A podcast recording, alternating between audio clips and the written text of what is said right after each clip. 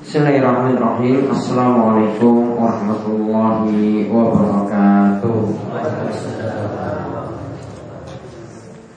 Alhamdulillahirrabbilalamin Hamdan kathiran tayyiban barakan fikum. Yuhibbu rabbuna wa yarda وأشهد أن لا إله إلا الله وحده لا شريك له وأشهد أن محمدا عبده ورسوله اللهم صل على نبينا وسيدنا محمد وعلى آله ومن تبعهم بإحسان إلى يوم الدين Baik uh, Bapak, Ibu-ibu, para jamaah yang menjuluki selalu dirahmati dan diberkahi Allah Subhanahu wa taala. Malam hari ini Alhamdulillah kita diberi taufik, diberi nikmat oleh Allah untuk duduk kembali dalam majelis yang mulia ini. Untuk mempelajari ayat-ayat Al-Quran atau hadis-hadis Nabi SAW yang di mana tujuannya adalah semakin mendekatkan diri kita kepada Allah. Dan yang kita pelajari itu adalah mengenai hal yang dilarang dalam agama ini atau yang dikenal dengan masail jahiliyah yang di mana ini adalah sifat-sifat orang jahiliyah yang biasa sifat-sifat ini dicela. Yang biasa sifat-sifat ini tidak disukai yang kita diperintahkan untuk menjauhinya.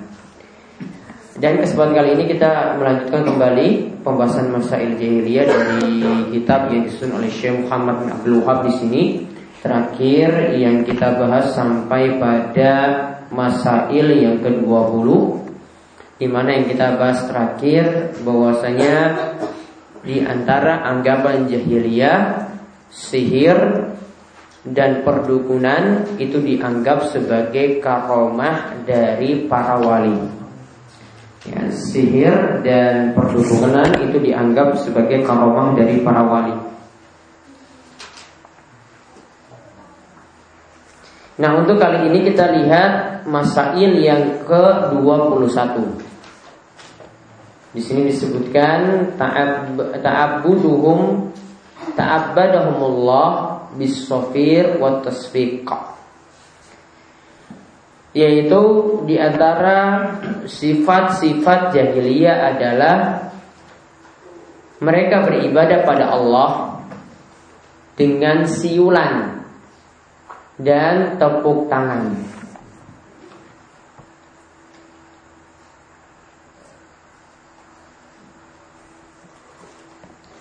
Ada di sini katakan Syekh Muhammad beliau katakan ta'abbuduhum bil muka wa tasdiyah yaitu mereka biasa beribadah dengan siulan dan tepuk tangan.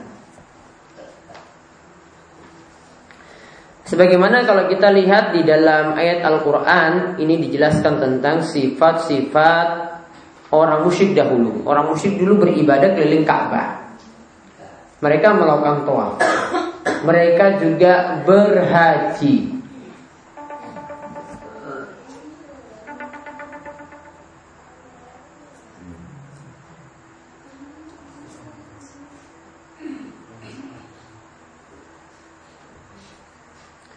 mereka juga berhaji dan mereka itu melakukan toa dan ibadah mereka ketika itu mereka sambil tepuk tangan dan bersiul-siul. Sebagaimana yang Allah Subhanahu wa taala sebutkan dalam suratul Anfal dalam surat Al-Anfal ayat ke-35. Wa ma kana salatuhum indal baiti illa muka'an wa tasdiyah. Tidaklah ibadah mereka di sisi Ka'bah melainkan dengan bersiul dan dengan bertepuk tangan.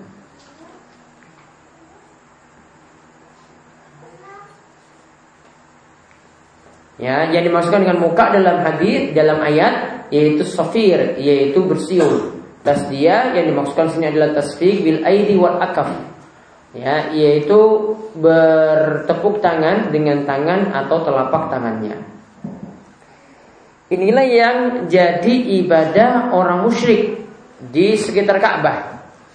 Dan mereka di sini menyebutnya sebagai sholat.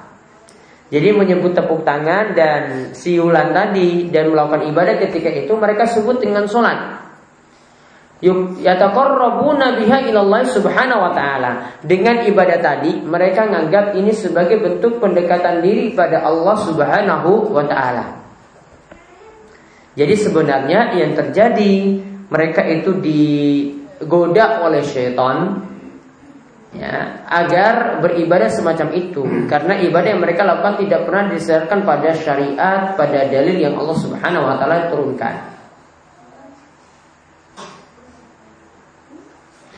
Dan di sini Syekh Saleh Al Fauzan mengatakan wa min huna hatainil khoslatain. Dari sini maka menunjukkan bahwasanya dua bentuk ini yaitu dua uh, amalan ini yaitu bersiul dan tepuk tangan ini adalah dua hal yang diharamkan wa illam yaksudil insan bihimal ibadah walaupun tidak dimaksudkan untuk ibadah. Lianna fi zalika tasabbuhan bil musyrikin karena dalamnya terdapat bentuk tasyabuh dengan orang musyrik. Dan khusus untuk tepuk tangan wa tasfiq khusus untuk tepuk tangan Inna abahu abahu Nabi sallallahu alaihi wasallam lin nisa khasatan indal hajah. Kalau tepuk tangan Nabi SAW cuma bolehkan untuk wanita itu juga dilakukan ketika butuh yaitu saat katanbihil imam yaitu ketika mengingatkan imam iza hafiz salah. Ketika imam itu lupa dalam sholat. Namun tasfiknya itu bagaimana? Tasfiknya para ulama itu katakan ini yang dijelaskan juga dalam mazhab syafi'i ya bagian dalam telapak tangan kanan itu menepuk punggung telapak tangan kiri jadi bukan bagian dalam telapak tangan menepuk bagian telapak bagian dalam telapak tangan bukan. Itu namanya memberi aplaus. Ya, itu namanya main-main. Kalau dalam sholat tidak. Ya, dalam sholat itu tadi bagian dalam telapak tangan kanan menepuk punggung telapak tangan kiri. Jadi dia ingatkan imam seperti itu. Ini yang ada pada wanita. Ini yang ada pada perempuan.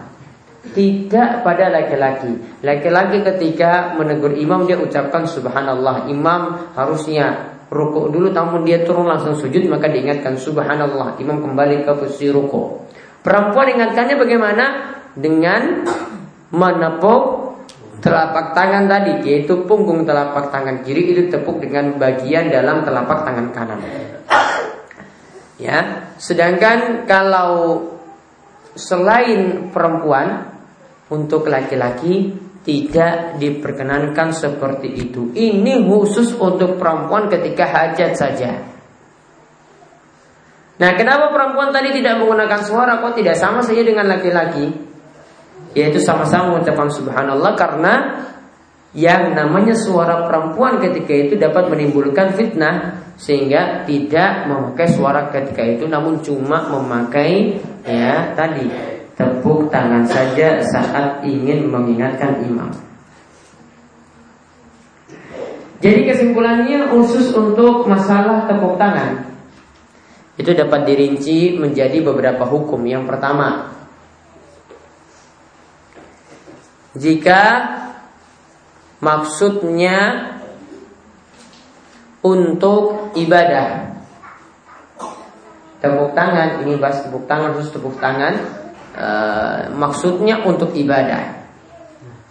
Jadi sebagian kalangan sufi itu biasanya ya ketika mereka itu membaca sholawat, membaca zikir pakai tepuk tangan juga.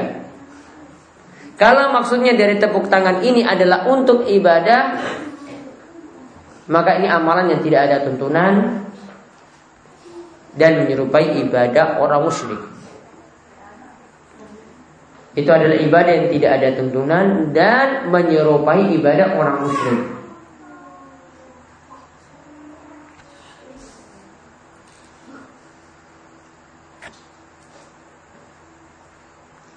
Yang kedua,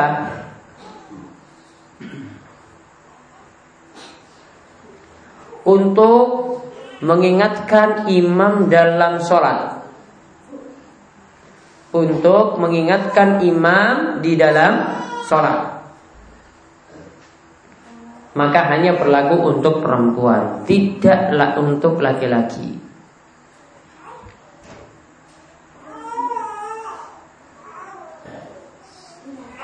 Kemudian yang ke tiga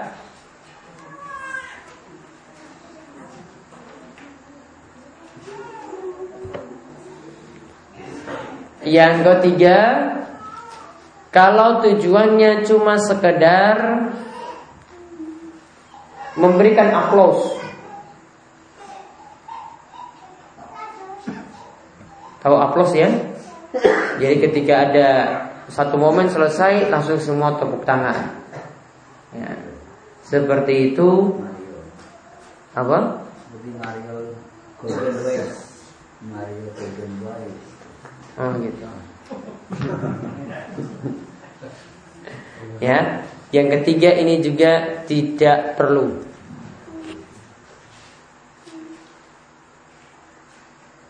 Yang ketiga ini juga tidak perlu. Namun urutannya yang paling parah itu yang pertama. Yang kedua itu dituntunkan, yang ketiga ini tidak perlu. Yang paling parah tadi, kalau tepuk tangannya itu untuk tujuan ibadah. Tadi sudah disebutkan itu ibadahnya orang-orang musyrik. Asalnya itu ibadah orang musyrik ditiru oleh orang-orang sufi. Kemudian masail yang ke 22 disebutkan di sini ittikhadhuhum ad-dina lahwan walaiba. Agama dijadikan mainan dan bahan lawaan bahan lawakan. Agama dijadikan mainan dan bahan lawakan.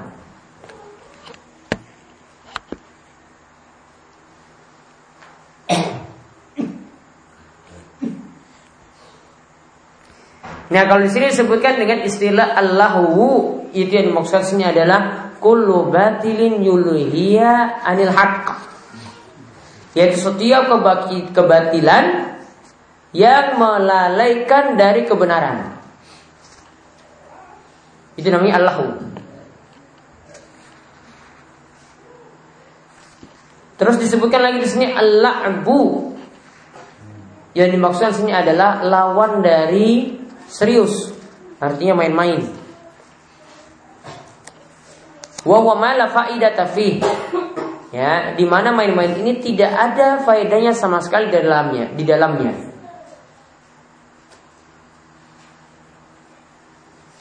Jadi di antara sifat jahiliyah adalah menjadikan candaan dan lawaan itu sebagai bentuk ibadah.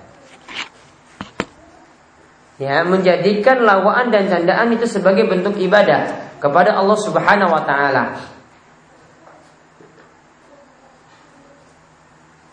Dan di sini dikatakan Syaikh Fauzan ini ada di kalangan para sufi. Ya, di kalangan para ahli tasawuf di mana mereka itu menjadikan agama mereka sebagai mainan lewat mempermainkan duf. Jadi ada rebana mereka itu mainkan ketika itu. Ini tujuannya ini bukan sekedar main-main namun apa? Ini tujuannya dalam rangka ibadah pada Allah.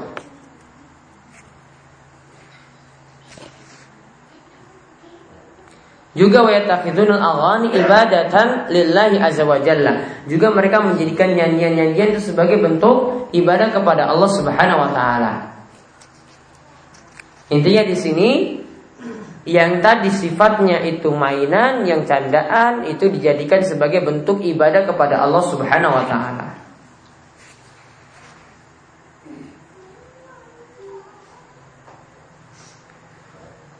Dan termasuk juga di sini yang bisa kita pahami, termasuk sifat jahiliyah juga biasanya kalau mau bercanda itu bawa-bawa agama. Kalau mau bercanda, mau guyon itu bawa-bawa agama. Nah ini dilakukan oleh sebagian orang ini misalnya dalam acara-acara stand up comedy. Ya.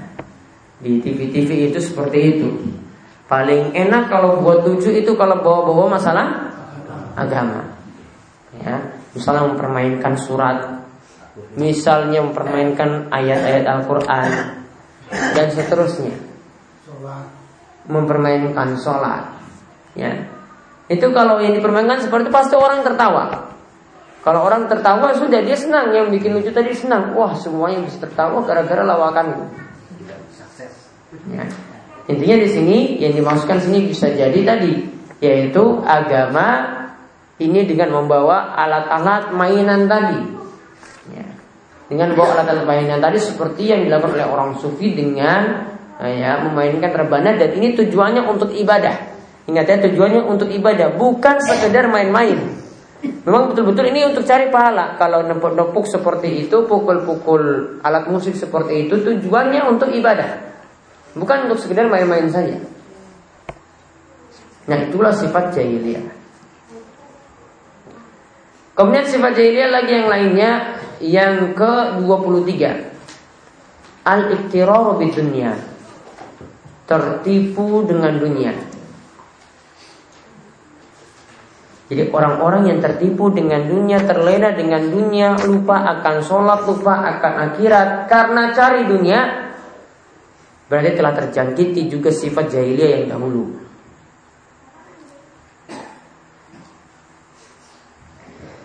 Lihat Syekh Muhammad bin Abdul mengatakan innal hayata dunya home. Orang-orang jahiliyah itu telah tertipu dengan dunia mereka telah tertipu dengan kehidupan dunia mereka. Anna ata'allahi minha ala ridahu. Mereka sangka bahwasanya kalau diberi harta, kalau diberi dunia berarti Allah itu senang pada mereka. Kaqaulihim sebagaimana mereka mengatakan dalam ayat di sini disebutkan nahnu aktsaru amwalan wa auladu wa ma nahnu. Kami itu lebih banyak punya harta, lebih banyak punya keturunan dan kami tidak mungkin akan mendapatkan siksa. Ini yang disebutkan dalam surat Sabah ayat ke-35. Maka di sini mereka menyangka bahwasanya dengan diberikan harta, dengan diberikan anak, dengan diberikan banyak keistimewaan-keistimewaan dunia, kenikmatan-kenikmatan dunia, itulah berarti tanda Allah itu senang pada mereka. Jadi mereka sudah tertipu dengan dunia yang Allah Subhanahu wa taala sebenarnya jadikan sebagai ujian. Intinya di sini orang jahiliyah berarti punya sifat siapa saja yang kaya, siapa saja yang dapat harta, siapa saja yang kaya, berarti dia itu adalah orang yang mulia. Ya. Orang yang mulia itu standarnya adalah keadaan dunia pada orang tersebut. Jadi orangnya semakin kaya berarti itu orang orang tersebut yang paling baik. Orangnya itu semakin banyak harta berarti orang tersebut yang paling mulia di sisi Allah Subhanahu wa taala. Kalau miskin berarti itu orang yang tidak dikasih Allah. Ini berarti pemahaman jahiliyah. Jadi tertipu dengan dunia, jadikan harta dan dunia itu sebagai standar mulia. Padahal yang perlu dipahami bahwa saya namanya rizki Kalau rizki itu sifatnya itu khusus Ya seperti saya pernah jelaskan Rizki itu ada dua macam. Ada rizki yang umum dan ada rizki yang khusus. Rizki yang am atau umum Itu semuanya itu dapat. Orang kafir dapat ya. Orang Hindu dapat Orang Buddha dapat Nasrani dapat Muslim juga dapat yaitu nikmat harta, nikmat kesehatan, ya, nikmat anak, semuanya dapat. Sedangkan yang kedua adalah rizki yang khusus, yaitu adanya iman, adanya Islam, adanya ilmu, adanya rizki yang halal. Ini hanya khusus diberikan kepada orang-orang yang beriman. Maka kalau standarnya itu adalah rizki yang sifatnya umum tadi, tadi tidak ada beda antara muslim dan kafir. Untuk rumah yang mewah orang muslim punya, orang kafir juga punya. Tidak bisa dibedakan mana yang mulia di sisi Allah Subhanahu wa taala. Yang membedakannya lihat pada rezeki yang kedua, mana yang punya iman, mana yang punya Islam atau tidak. Ya, dia punya iman yang bagus, dia punya ketakwaan yang bagus. Nah, itulah yang nanti membedakan dalam hal harta tadi, dalam hal rezeki yang sifatnya umum tadi. Dan ingat bahwasanya rizki atau harta yang diberikan itu bukanlah tanda Allah itu cinta.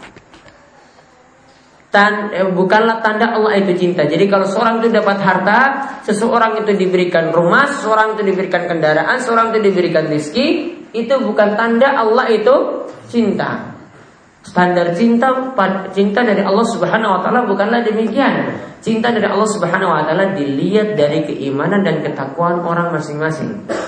Semakin dia imannya itu tinggi, semakin dia ketakwaannya tinggi, itulah yang paling mulia dan paling cintai oleh Allah Subhanahu wa taala. Inna akramakum indallahi atqakum. Semua yang paling mulia di antara kalian. Berarti kalau paling mulia berarti paling dicintai oleh Allah. Itu adalah yang paling bertakwa di antara kalian.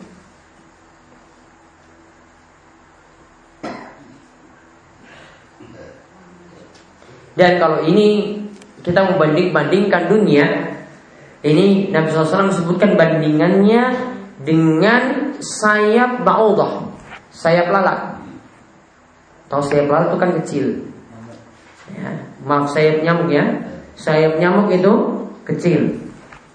Ya, di sini Nabi SAW bandingkan lihat laukan di dunia ta'adilu indallahi janah janaha ba'udah. Seandainya dunia ini punya nilai di sisi, sisi Allah seperti sayap nyamuk. Maka masa peminah kafiran syurbatama maka kalau maka kalau benar seperti itu maka orang kafir itu sama sekali tidak akan mendapatkan satu teguk air pun.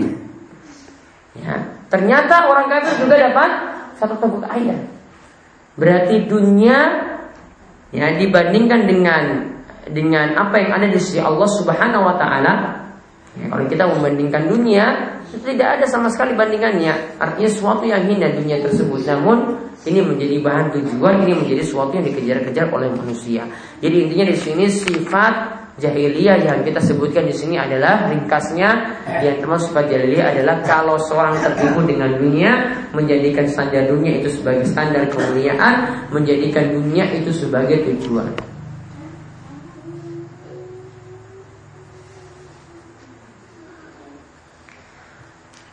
Kemudian yang masail jahiliyah yang ke-24 Yang terakhir yang kita bahas dari masail jahiliyah kali ini Yaitu yang Syekh Muhammad bin menyebutkan Zuhduhum fil haq.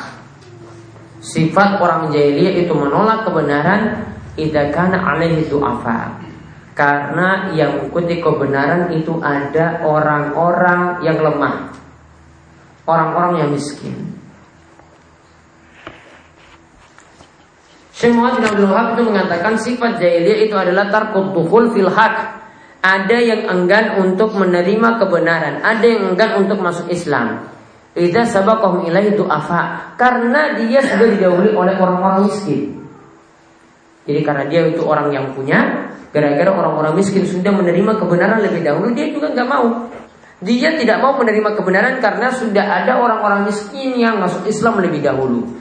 Sudah banyak orang-orang miskin yang menerima kebenaran lebih dahulu. Dia tidak mau disamakan dengan orang-orang miskin. Takabburan wa anafatan. Dia begitu sombong dengan hal itu, begitu angkuh dengan sifat seperti tadi. Maka Allah Subhanahu wa taala turunkan ayat wala tatrudil rabbahum. Dan janganlah ya kalian itu di situ tatrudil ladina, di situ artinya apa? Terjemahan? Surat Al-An'am ayat 52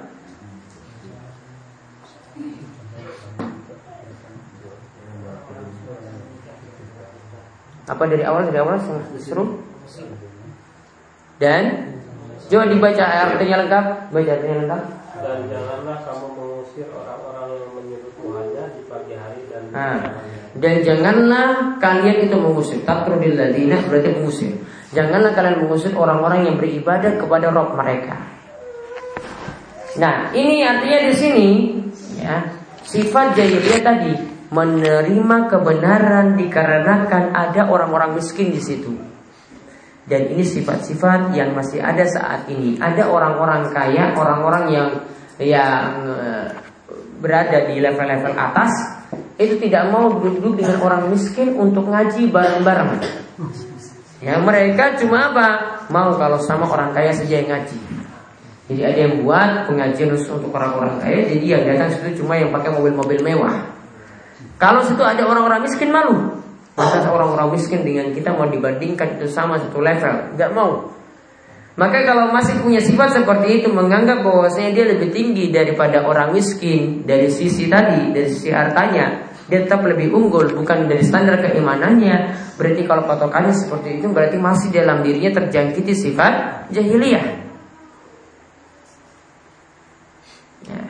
Karena tadi sebagaimana dalam bab-bab sebelumnya Kekayaan itu bukanlah standar Allah itu cinta. Yang jadi standar itu adalah siapa yang menerima kebenaran lebih dahulu, siapa yang beriman lebih dahulu, siapa yang bertakwa lebih dahulu.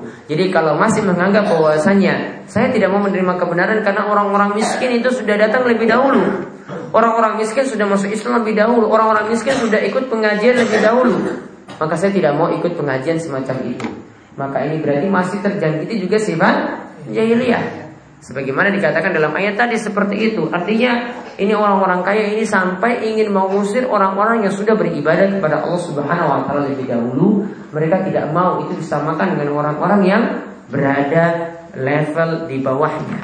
Karena mereka punya harta yang berlebih. Maka kalau kita berarti ingin selamat dari sifat jahiliyah ini berarti kita harus menerima kebenaran apa pun strata sosial kita, apa pun status sosial kita, apa pun kekayaan kita, kaya ataukah miskin, pokoknya harus menerima kebenaran, tidak boleh punya keyakinan karena ada orang kaya sudah menerima terlebih dahulu, maka kita tidak mau. Kalau ada orang miskin sudah menerima terlebih dahulu, maka kita tidak mau menerima kebenaran. Dan mudah-mudahan Allah Subhanahu wa taala memberikan kita taufik untuk menerima kebenaran ya walaupun memikulnya itu dengan menanggung beban yang berat. Ya demikian untuk saya Delia mudah-mudahan bermanfaat. Wassalamualaikum warahmatullahi wabarakatuh. Walhamdulillahirabbil alamin.